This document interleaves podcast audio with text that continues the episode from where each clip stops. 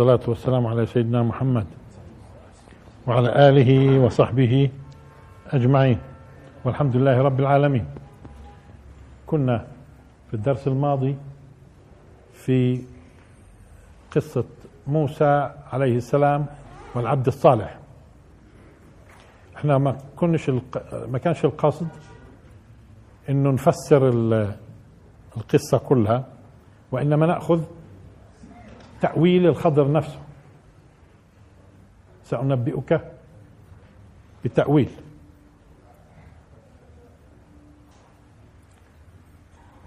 لكن نرجع شوية صغيرة نذكر. قلنا إنه واضح والأرجح إنه الخضر هو آه، نبي. واضح إنه كان مكلف لأنه لا يعقل. فأراد ربك أن يبلغ أشدهما ويستخرجا كنزهما. هو يعني إيش عرفوا إنه أراد أراد الله؟ كيف بيعرف يعني إنه الله أراد أن يبلغ أشدهما ويستخرجا كنزهما؟ وبيعرف يعني إنه الأولاد بيكبروا يعني وبيبلغوا أشدهم وفي الأخير كمان بيكتشفوا الكنز. كل هذا بيكون من واحد هيك يعني شو هالعلم هذا؟ واضح إن هالمسألة إيش؟ وحي. واضح إن هالمسألة وحي. وبعدين هو قال في الأخير وما فعلته عن أمري. هذا لم يصدر عني أنا أصلا هذا كله أوامر من من عند الله. تحدثنا في هذا. اثنين وبينا إنه الأرجح في الغلام أنه بالغ وأنه كان يمارس الكفر والطغيان والطغيان. لكن فخشينا أن يرهقهما يعني يوصل فيهم درجة إيش؟ الإرهاق الشديد. بطغيانه وكفره. طغيانا وكفرا يعني بطغيانه وكفره. بينا هذا. ثم آه، بينا معنى مساكين.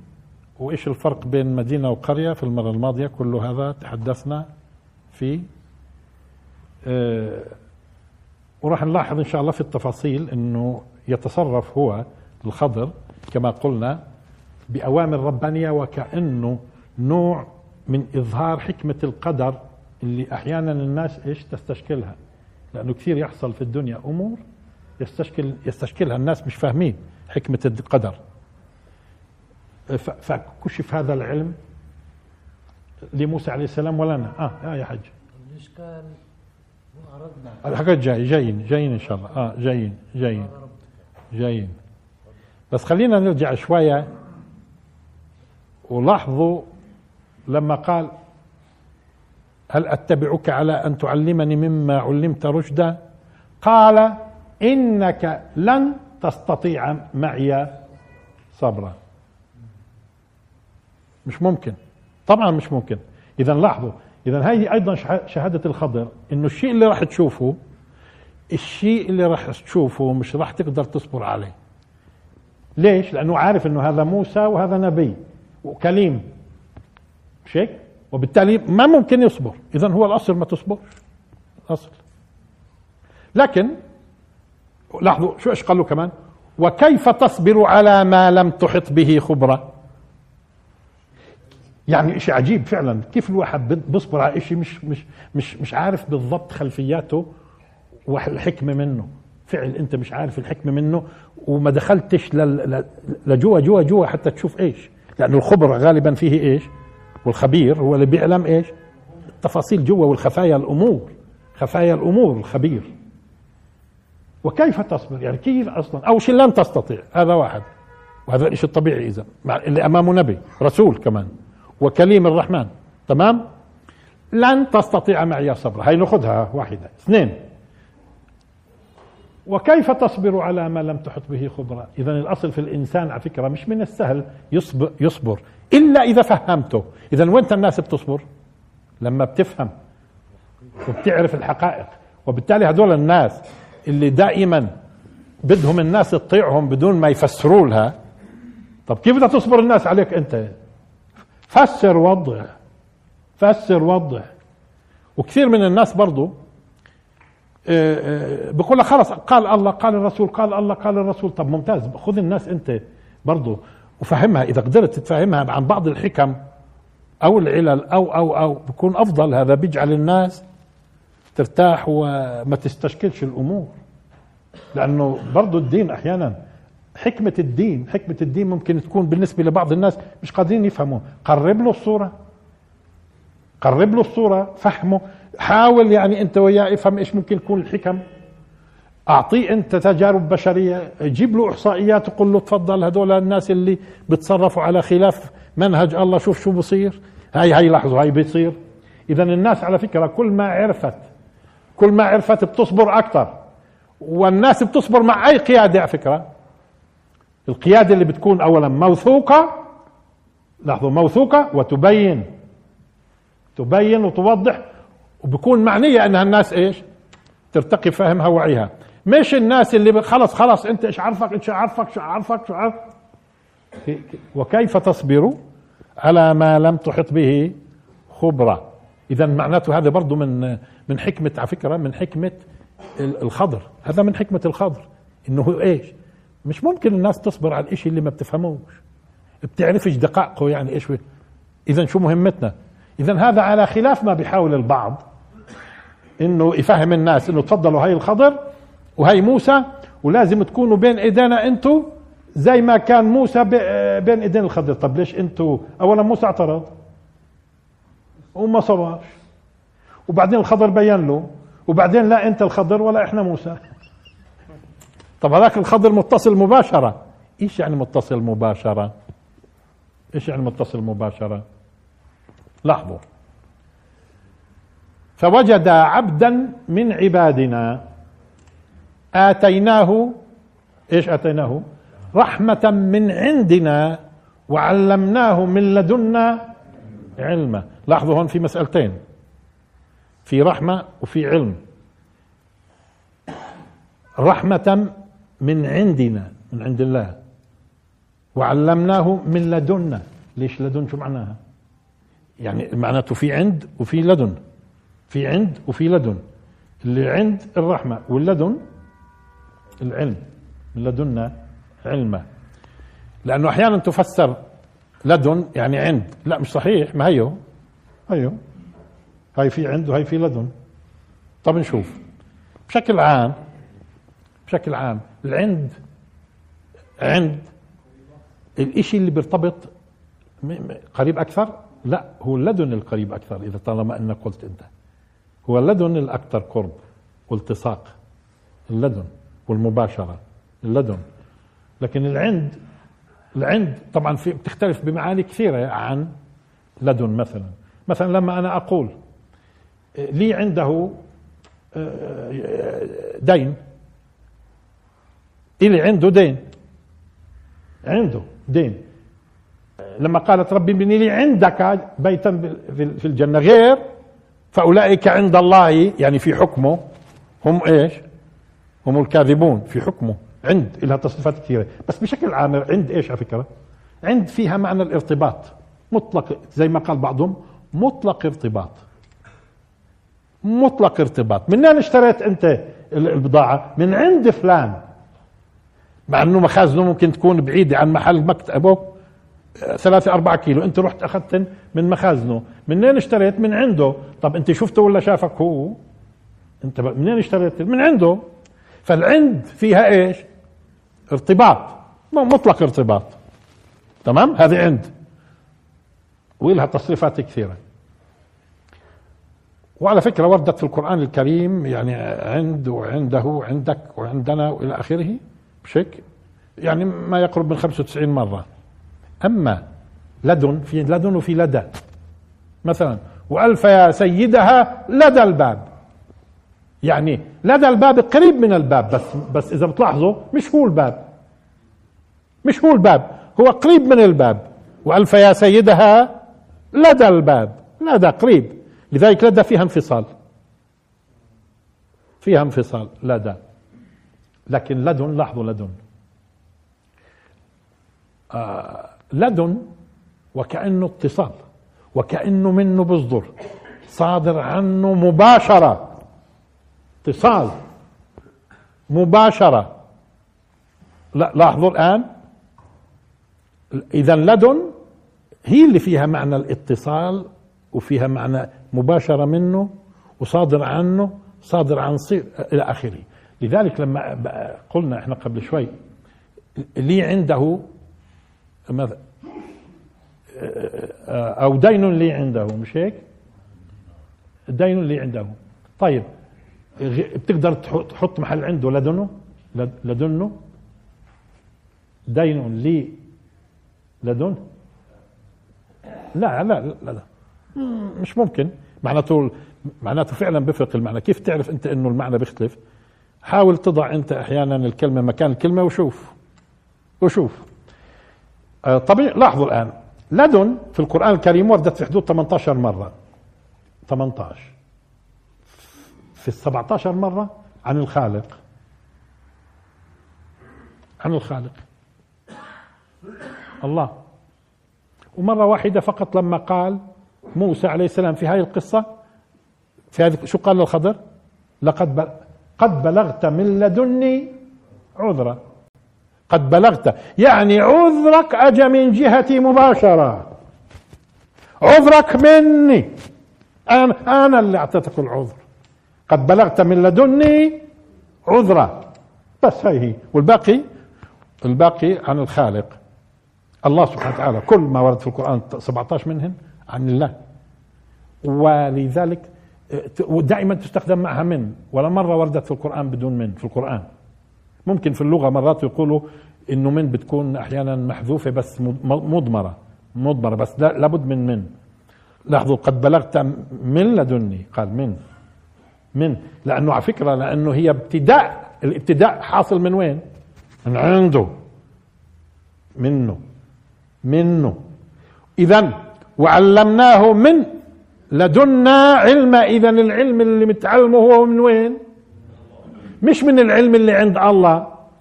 مش من العلم اللي عند الله. طب ما هو كل شيء من كل شيء علم من عند الله من عند الله. علم الإنسان ما لم يعلم. علم الإنسان ما لم يعلم. كله من عند الله. كله من عند الله. لكن من لدنا معناته صادر عنه إيش؟ مباشرة. وإنك لتلقى القران مش هيك؟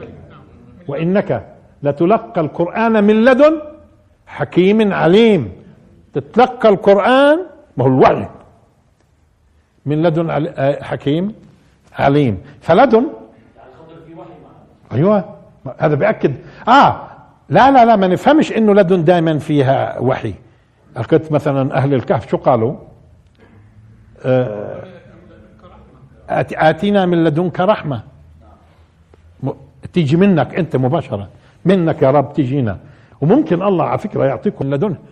آه آه بدون ما تكونوا أنبياء بدون ما تكونوا أنبياء مش قضية. أيوة ممكن يكون في إلهام طبيعي. وهذا آه ممكن. ولكن إحنا أخذنا الفكرة عن الخضر من عدة أمور. من أهمها إنه هو عم بتصرف بقتل وعم بتصرف لاحظوا وجدار واولاد صغار وأبوهم كان صالح وراح يكبروا وراح يستخرجوا كنزهم وأراد ربك. يعني أنت تتصرف وأراد ربك. آه انتبهتوا وين؟ هذا تفاصيلها كلها مع بعضها بتدل على إنه هو واضح. آه وما فعلته عن أمري. كل هذه التفاصيل وضحت شو. على قضية الخضر والخضر أو الخضر كمان. بس آه آه في هناك جدل أحيانا إنه هل الخضر حي؟ لا يزال. ولذلك تذكر الاختياريات. الاختياريات قال يخضر يخضر و... ولما تذكروا كان مر. كان يعتقد إنه بمر من امامهم الخضر وأساطير من هذا القبيل. لكن هل أهل العلم تحدثوا؟ يعني في علماء تحدثوا إنه ممكن يكون حي؟ وأنا مش أنا مستغرب. طبعا ليش يكون الخضر حي؟ ولا عشانه شوية هيك شخصيته في القرآن مجهولة هيك ودائما الشيء المضمر هيك بكون له رهبة ونصير نحمل إحنا تصورات. لذلك فوجدا عبدا من عبادنا. طبعا اولا على قضية إنه حي بنمر عليها مرور سريع. اولا بتعرفوا أنتم موسى عليه السلام وهو تقريبا تاريخه 1200 قبل الميلاد أكثر شوي. 1200 قبل الميلاد أكثر شوي.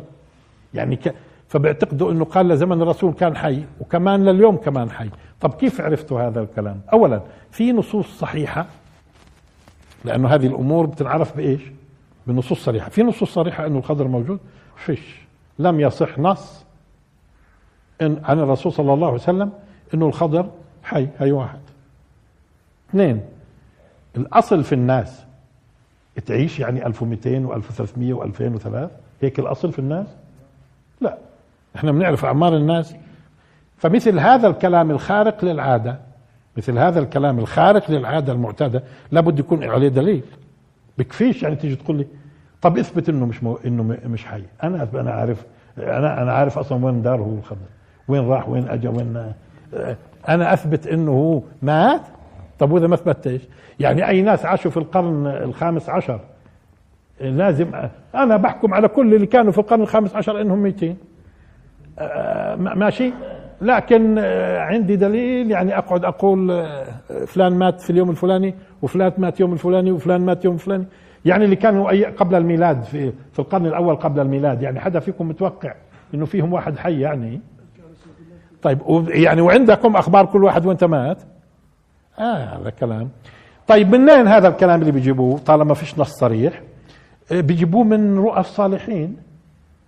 في صالحين عندهم رؤى وعندهم وعندهم ويفتح عليهم. آه، آه، طيب ممتاز. خليكم في هذا الطريق هذا.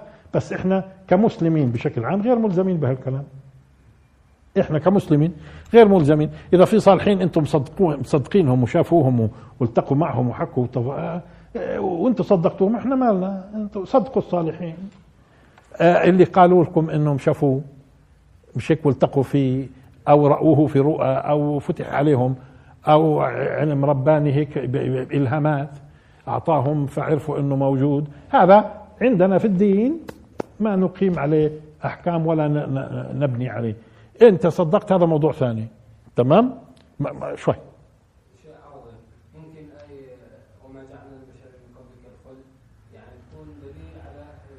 وما جعلنا لبشر من قبلك الخلد؟ لا مش صحيح هذا. الاستدلال في الرد عليهم مش في هاي. أو كنت بنناقش هاي الآية. ذكرني الآن بلاش أنساها. هو الرسول صلى الله عليه وسلم في فيما صح من حديث هذا الآن في المقابل. هو الأصل إحنا مش ملزمين وخلصنا. ليش نناقشها أصلا إنه الخضر حي ومش حي؟ ناس بيقولوا يقولوا هم وإحنا مالنا هم. يعني طب إحنا بنطعن في دينهم لأنهم بيقولوا بنطعنش في دينهم. خليهم يعيشوا في الشيء الحلو هيك. وإنه بجوز الخضر مرات يمر يساعدهم كذا إلى اخره مش قضية. مش قضية. يعني في الدين مش مسألة. إنه حي الخضر. ويعني لا لا ننكر عليهم برضه ما ننكرش عليهم إنه يعني هو بيقولوا هم. بس لما بيسألونا المسلمين بنقول لهم ما فيش دليل. خلاص إحنا بنقول هيك فيش دليل. والأصل في الإنسان يكون مات وخلصنا. ما هو إنسان هو. وكل والأنبياء ماتت ما هي. واللي ما ماتوش قال عنهم الله مثلا زي عيسى عليه السلام رفع. وحتى بجوز ماتوا رفع أو رفع بدون موت مش قضية. مش قضية هذه مش قضية كثير مهمة. آه, آه, آه أنا عم بقول أمين. أو إدريس أو إدريس مثلا رفع حيا ولا مات في ولا كما رجح بعض المفسرين إنه آه، رفع ميتا ولا معنات رفع في إدريس بالذات لها معنى ثاني مش قضية. على كل الرسول صلى الله عليه وسلم في في أواخر حياته في أواخر حياته قبل ما يموت بشوي يعني في السنة 11 في السنة 11 هجري. في أوائلها طبعا. قال في ليلة من الليالي أرأيتكم حديث صحيح طبعا. أرأيتكم ليلتكم هذه؟ الليلة هاي. لاحظوها. الليلة هاي. فإنه فإنه بمعنى لاحظوا الآن. آه، بعد مئة سنة من هاي الليلة. بعد سين بعد مئة سنة من هاي الليلة لا يبقى ممن هو على ظهر الأرض أحد. إذا من الليلة اللي ذكرها الرسول صلى الله عليه وسلم. في الليلة اللي ذكرها. من هاي الليلة لمئة سنة بعدها لمئة بعد سنة هاي الليلة لا يبقى على لا يبقى ممن هو على ظهر الأرض أحد. لاحظوا التعبير على ظهر الأرض. معناته إذا في حدا مرفوع هذاك مش على ظهر الأرض. تمام؟ إذا في حدا مرفوع زي عيسى هذا مش على ظهر الأرض. أحد. هذا استدل في بعض اللي يردوا عليهم إنه أنتم اولا ما عندكم مش دليل. بتقولوا رؤى صالحين وألهامات صالحين. هذه مش أدلة شرعية أصلا. طيب. طب وهي كمان بتناقض مع هذا الحديث. لذلك في ناس ممكن يقول لك بيردوا عليهم يقولوا بجوز كان وقتها طالع في السماء شوية. أو يعني من من هو على ظهر الأرض أحد. تمام؟ على كل هذه قضية مش كثير مهمة. مش كثير مهمة. أما قول الآية اللي استشهد فيها على فكرة وما جعلنا لبشر من قبلك الخلد. لا المقصود الخلد يعني البقاء في الحياة مش طول الحياة. البقاء حي. يعني في النهاية بموت هذا المقصود. كمان مرة. الله سبحانه وتعالى بيجعل لبشر من قبل الرسول ومن بعده الخلد؟ ابدا. شو يعني الخلد؟ شو يعني الخلد؟ عدم الموت. هون هون. مش طول الحياة. مش طول الحياة. لأنه جعل لنوح من قبل الرسول قديش؟ 950 إيه طبعا أقل شيء 950 أقل شيء 950 مش هيك؟ هيو من قبله في عندك. وفي أصلا أحاديث بقول آدم ألف سنة. آدم ألف سنة. مش هي. هذا مش هذا ما يسمى الخلد. هذا مش خلد. تمام؟ فلا يصلح رد. مع أنه هم من الردود اللي ردوها على الناس اللي بيقولوا الخضر حي. هذا مش صحيح. هذا فهم خاطئ للآية نفسها. وما جعلنا وما جعلنا لبشر من قبلك الخلد. يعني لذلك هم لذلك هم مش راح يخلدوا أصلا. فيش حدا راح يخلد. كله بموت. حتى حتى حتى عيسى عليه السلام اللي رفع إذا رفع حيا وهو الآن حي في الأخير بموت بينزل وبموت. فلا يكون له الخلد. آه. أفإن مت؟ أفإن مت فهم الخالدون يعني إذا أنت بتموت هم بخلدوا. طب هم أكيد طبعا. بموت الرسول بظلوا من بعده هم 100 سنة كمان. بس بخلدوا؟ بخلدوش. إيش إيش في حدا فيكم س... آه طيب. الآن أما قضية الإيرادات اللي واردة في ال... وإحنا أصلا يعني بنفسر تأويله. هو آه هو لاحظوا فوجد عبدا من عبادنا آتيناه رحمة من عندنا. اذا هو هذا الرجل عنده رحمة؟ رحمة. وعلمناه من لدنا ولذلك ال ال ال اليوم يبدو هدول التنتين لازم يكونوا دائما مع بعض. لاحظوا. رحمة وعلم علم ورحمة. واليوم العلم إذا ما كانش معاه رحمة إيش بيعمل؟ بيدمر. والرحمة والرحمة اللي عن جهل برضه ممكن تدمر كمان. مرات الرحمة الزايدة تفسد الأولاد. ممكن. والرحمة الزايدة تضيع الحقوق. والرحمة الزايدة مش هيك؟ آه، ما. في في إذا عندك. رحمة والعلم هذول الاثنين مع بعض. وهذه مهمة. آتيناه رحمة من عندنا وعلمناه من لدنا العلم المباشر الآن. لاحظوا العلم المباشر من لدنا العلم المباشر علمه. تمام؟ اثنين هذول علم الرحمة ضروري جدا. البشرية أصلا تصلحش بالعلم لوحده. لازم يكون هذا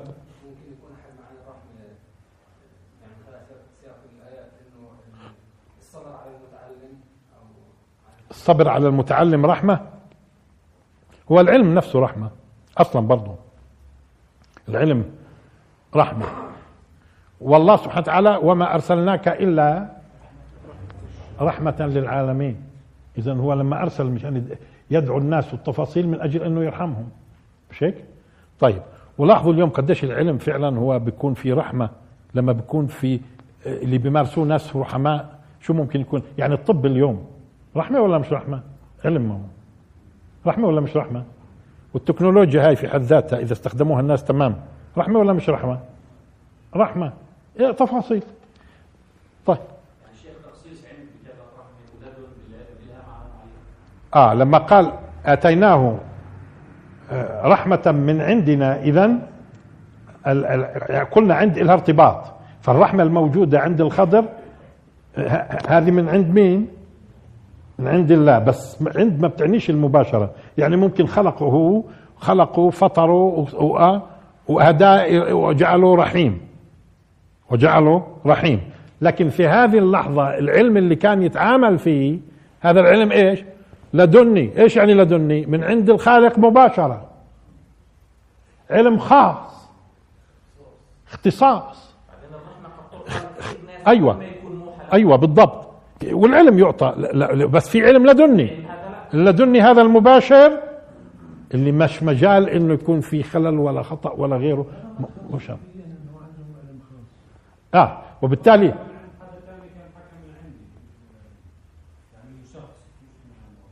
من عنده من عند الخالق آه بتصير تحتمل كثير. من لدنه معناته مباشرة. طبعا ممكن يعطيه الغيب ولا ما هو؟ قلنا هو أرجح أنه نبي والنبي هو المنبأ كمان. مش هيك؟ طيب نيجي الآن للارادات اللي وردت.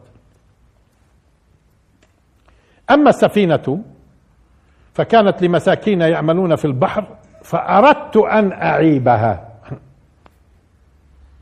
فأردت أن أعيبها.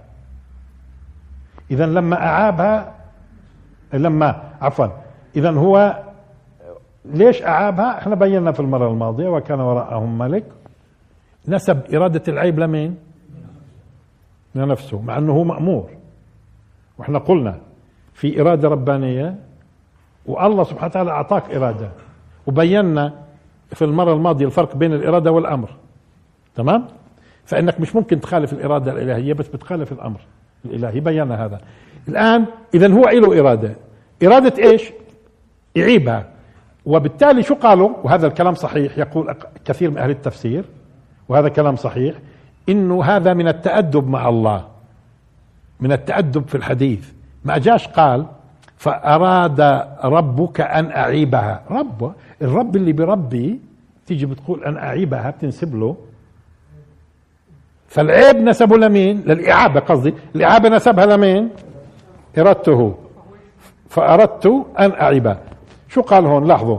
وإذا مرضت مش فهو يشفين. قبلها شو قال؟ يطعمني. شيء يطعمني. هو يطعمني. ويسقين. طب قول يمرضني. آه التأدب مش قلت يطعمني ويسقين. طب وبمرضني كمان بتقول بمرضني. هذا أدب هذا أدب. وإذا مرضت فهو يشفين. أشر أريد بمن في الأرض أم أراد بهم ربهم رشدا شوفوا في الرشد. يعني إرادة؟ لاحظوا. أشر مش أشر أراد الله بهم. أشر أريد مبنية للمجهول. أشر أريد بمن في الأرض أم أراد بهم ربهم رشدا وأنتم في الفاتحة اللي بتقرأوها دائما اهدنا الصراط المستقيم صراط الذين أنعمت عليهم غير المغضوب. مش غضبت غير المغضوب. اذا هذا تأدب في إيش؟ تأدب مع الله. تأدب مع الله. تمام؟ هذه فهمناها إن شاء الله. اذا أما سفينة فكانت لمساكين يعملون في البحر فاردت أن أعيبها. طيب خلصنا. وأما الغلام فكان أبواه مؤمنين فخشينا أن يرهقهما طغيانا وكفرا فأردنا أن يبدلهما. فأردنا أن يبدلهما ربهما. لاحظوا هون هون في إرادتين. اولا في فعل ولا فعلين في موضوع الغلام؟ فعل ولا فعلين؟ فعلين. الفعل الأول القتل زي اللي بيشبه الإعابة هناك إعابة السفينة. لاحظوا. بيشبه إعابة السفينة. القتل من جهته ومين اللي بيبدل؟ خيرا منه زكاة وأقرب رحمة. مين اللي بيبدل؟ إذا في إرادتين هون. في إرادتين هون. إرادة القتل بده ينسبها لحاله لأنه عمل إرادتين. فأرادنا. ومين اللي بيبدل؟ آه إذا في إرادة قتل معها إرادة إبدال. يعني الله سبحانه وتعالى آمره بالقتل ومفهمه إنه بدنا نبدل. وشو بيعرفه هو على فكرة إنه الله راح يبدل. هذا بيأكد إنه المسألة كلها إيش؟ وحي. إيش عرفوا إنه الله بده يبدل؟ وحي. طيب لاحظوا فأردنا لأنه في فعلين. ما يظنش بعض الناس إنه فعل واحد اشتركت فيه إرادتين. فعل واحد اشتركت فيه إرادتين. لا في فعلين. لما قال أردنا زي ما قال أردت أن أعيبها في فعلين أو حالك في قضية أردنا, أردنا إنه أنا قاتلت والله بيبدل. هي تنتين. طب فخشينا نيجي لخشينا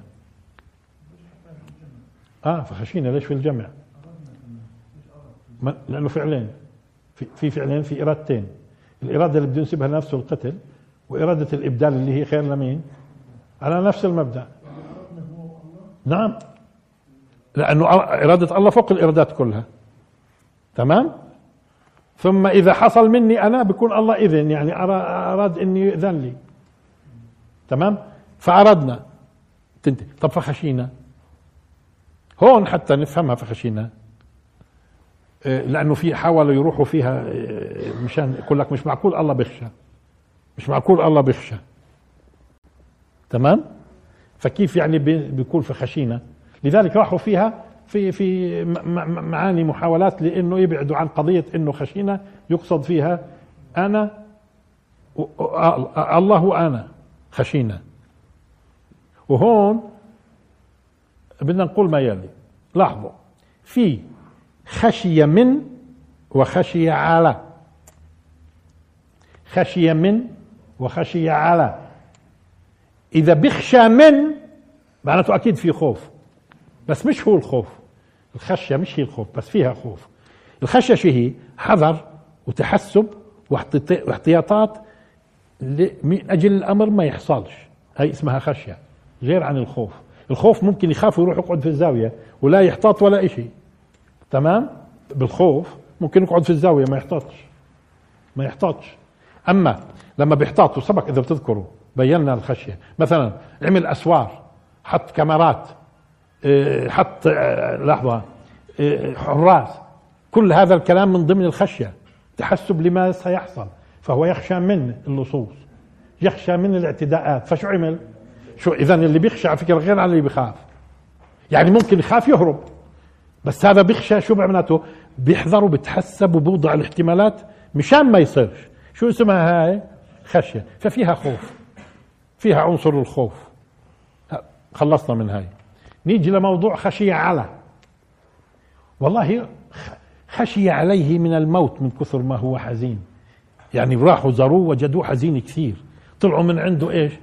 بيخشوا عليه من الموت. يا جماعة تعالوا حدا يقعد معاه. يا جماعة ما تخلوهوش لحاله. يا جماعة جيبوا الطبيب يضربوا بعض الإبر اللي هيك اللي بتخليه شوية ينام. نحن نخشى عليه من الموت. افهموها؟ نحن نخشى عليه من الخشية هنا إذا برضو فيها حذر وتحسب ولكن ممكن يكون دافعها رأفة ورحمة. كمان مرة. دافع دافعها الآن مش خوف.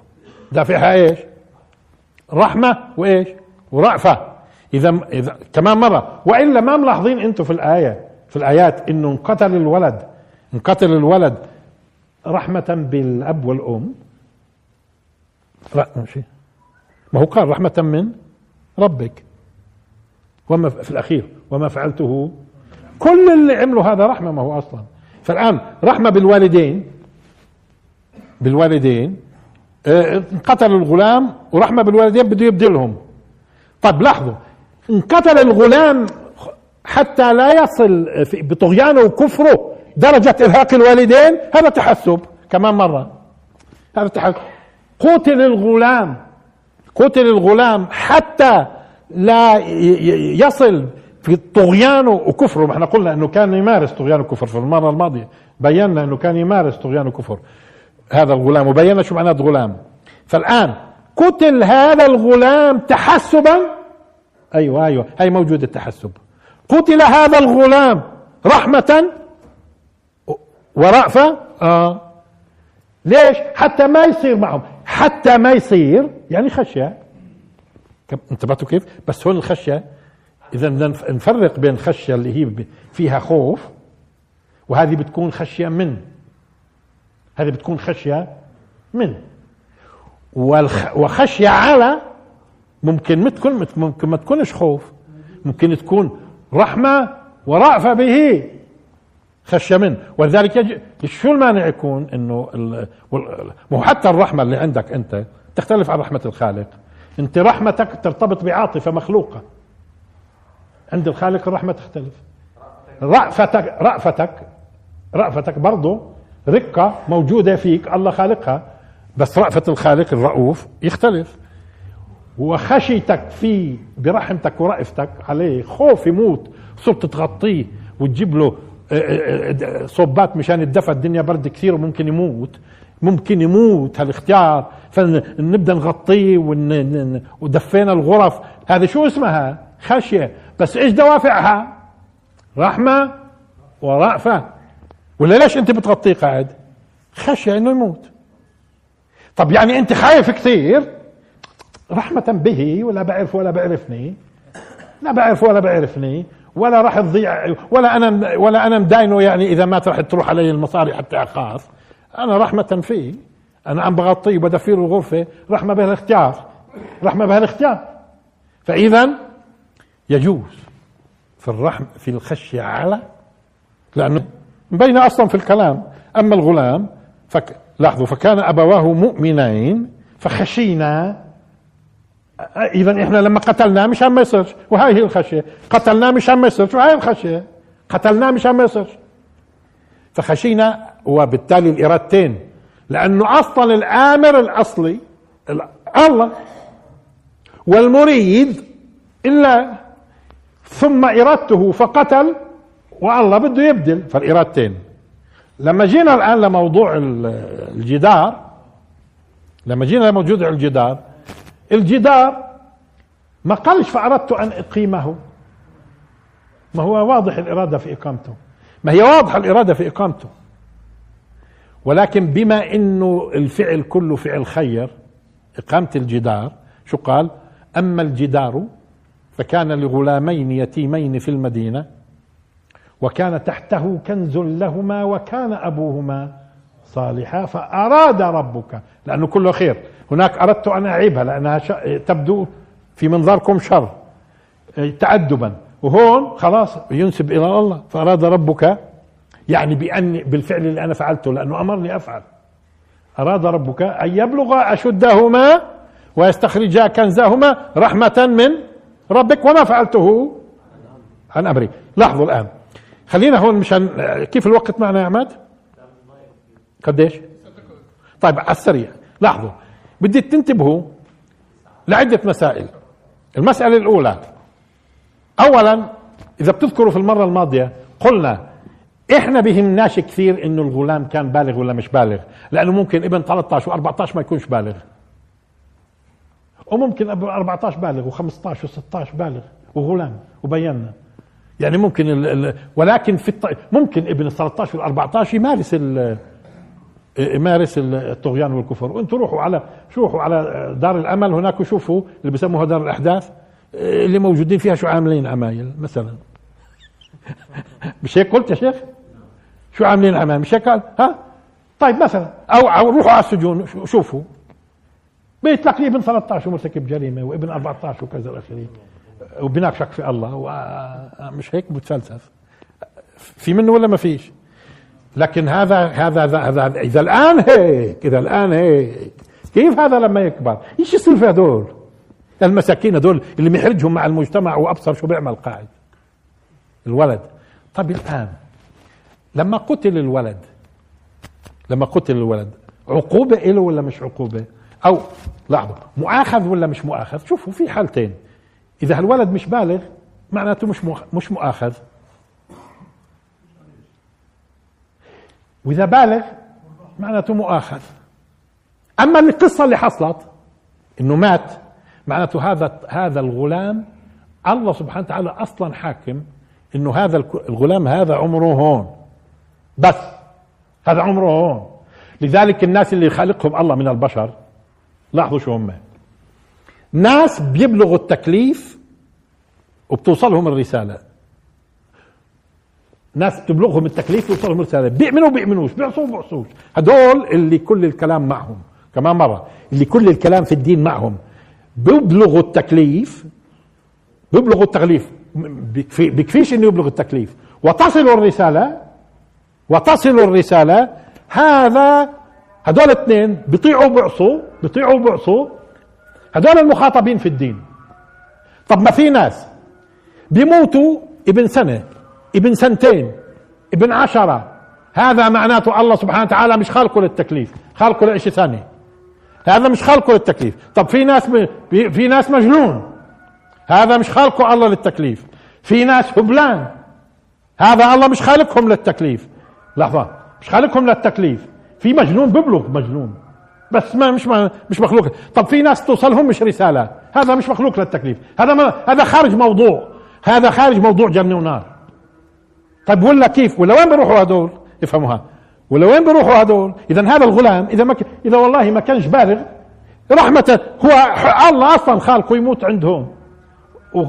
والله مريد ابتداء أصلا رحمة بهذول الاثنين. أما هو من حاسبه من حاسبوش. ما كثير أصلا لما بصدر اوامر لملك الموت كل يتوفاكم ملك الموت الذي وكل بكم ما هو ممكن يكون موكل ابن تسعة بتاخده فلان هذا ابن تسعة هذا ابن عشرة هذا ابن خمسين هذا ابن ستين. طيب هذول اللي تحت البلوغ انت إيش دخلك؟ إيش تحت البلوغ؟ شو بده يعمل فيهم يعني؟ اولا هو مطمنك إنه بيعذبهمش واللي ما وصلهمش الرسالة وحتى بالغين برضه بيعذبهمش وما كنا معذبين حتى نبعث رسولا. طب والهبلان والمجانين برضه بنسألهم طب وين بيروحوا؟ انت ليش يعني؟ الشرع بخاطب فئتين هذول لازم هذول بيسمعوا. ما معقول أقول يلي مش راح تسمع اسمع يلي مش راح تسمع أحكامك واحد اثنين ثلاثة أربعة خمسة مش هيك.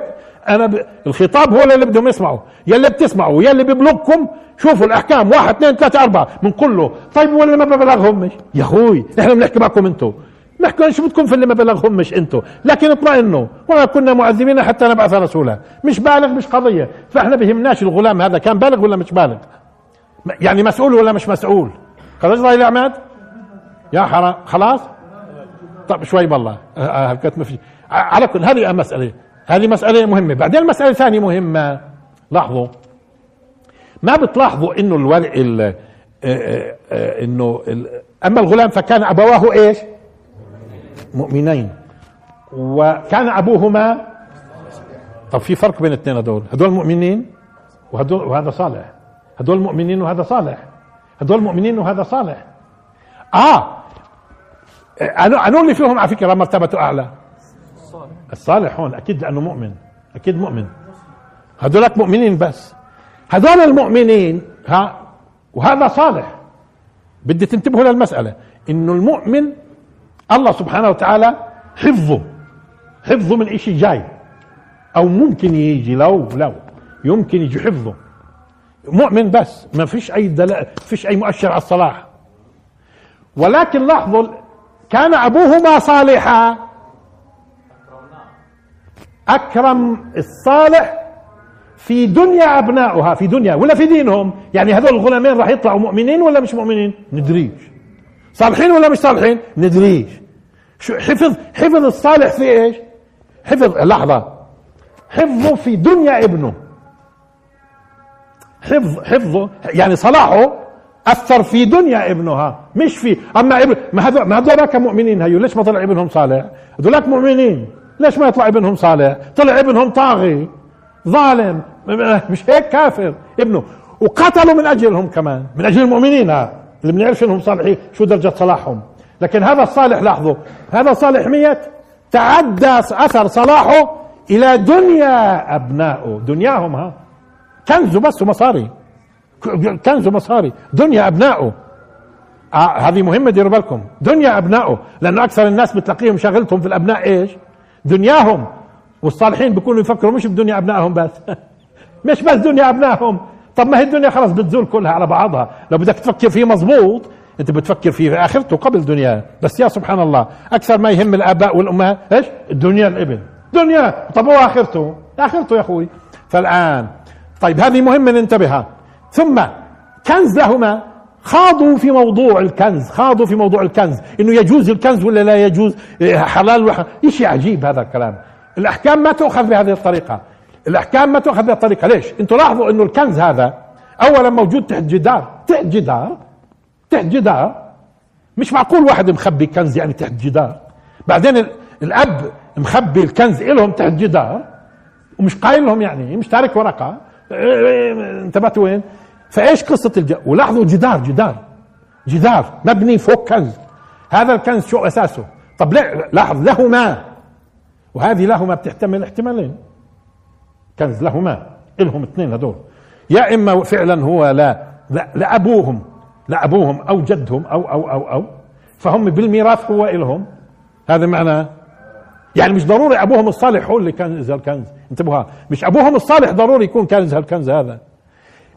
وإنما لاحظ هو لهما. طالما لهما. اذا واحد من اثنين.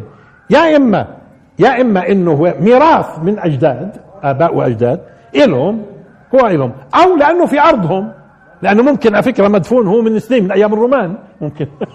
ها؟ ممكن مدفون من أيام الرومان. ولكنه في ارضهم فهذا أصلا حكمه. حكمه إذا لما يكتشف إلهم. بس بيخرجوا منه الخمس طبعا. بيخرجوا منه الخمس. زكاة يعني. إذا كان وقتها في شريعتهم في الخمس. هذه في شريعتنا.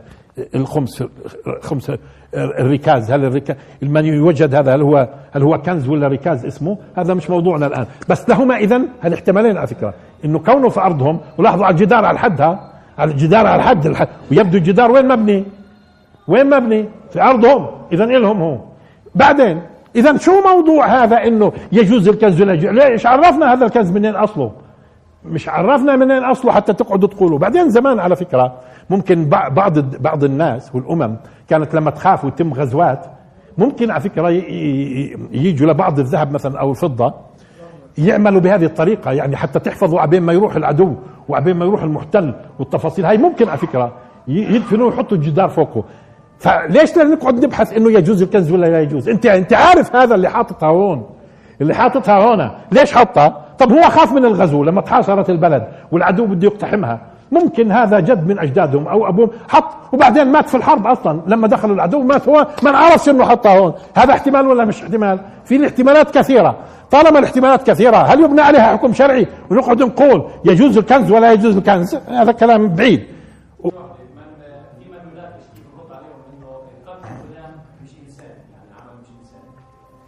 لا لما بصدر لما بصدر اوامر لملك الموت بيجي بقبض الروح انتهى الموضوع. هذا الآن مقامه الخضر زي مقام ملك الموت. مأمور من الله.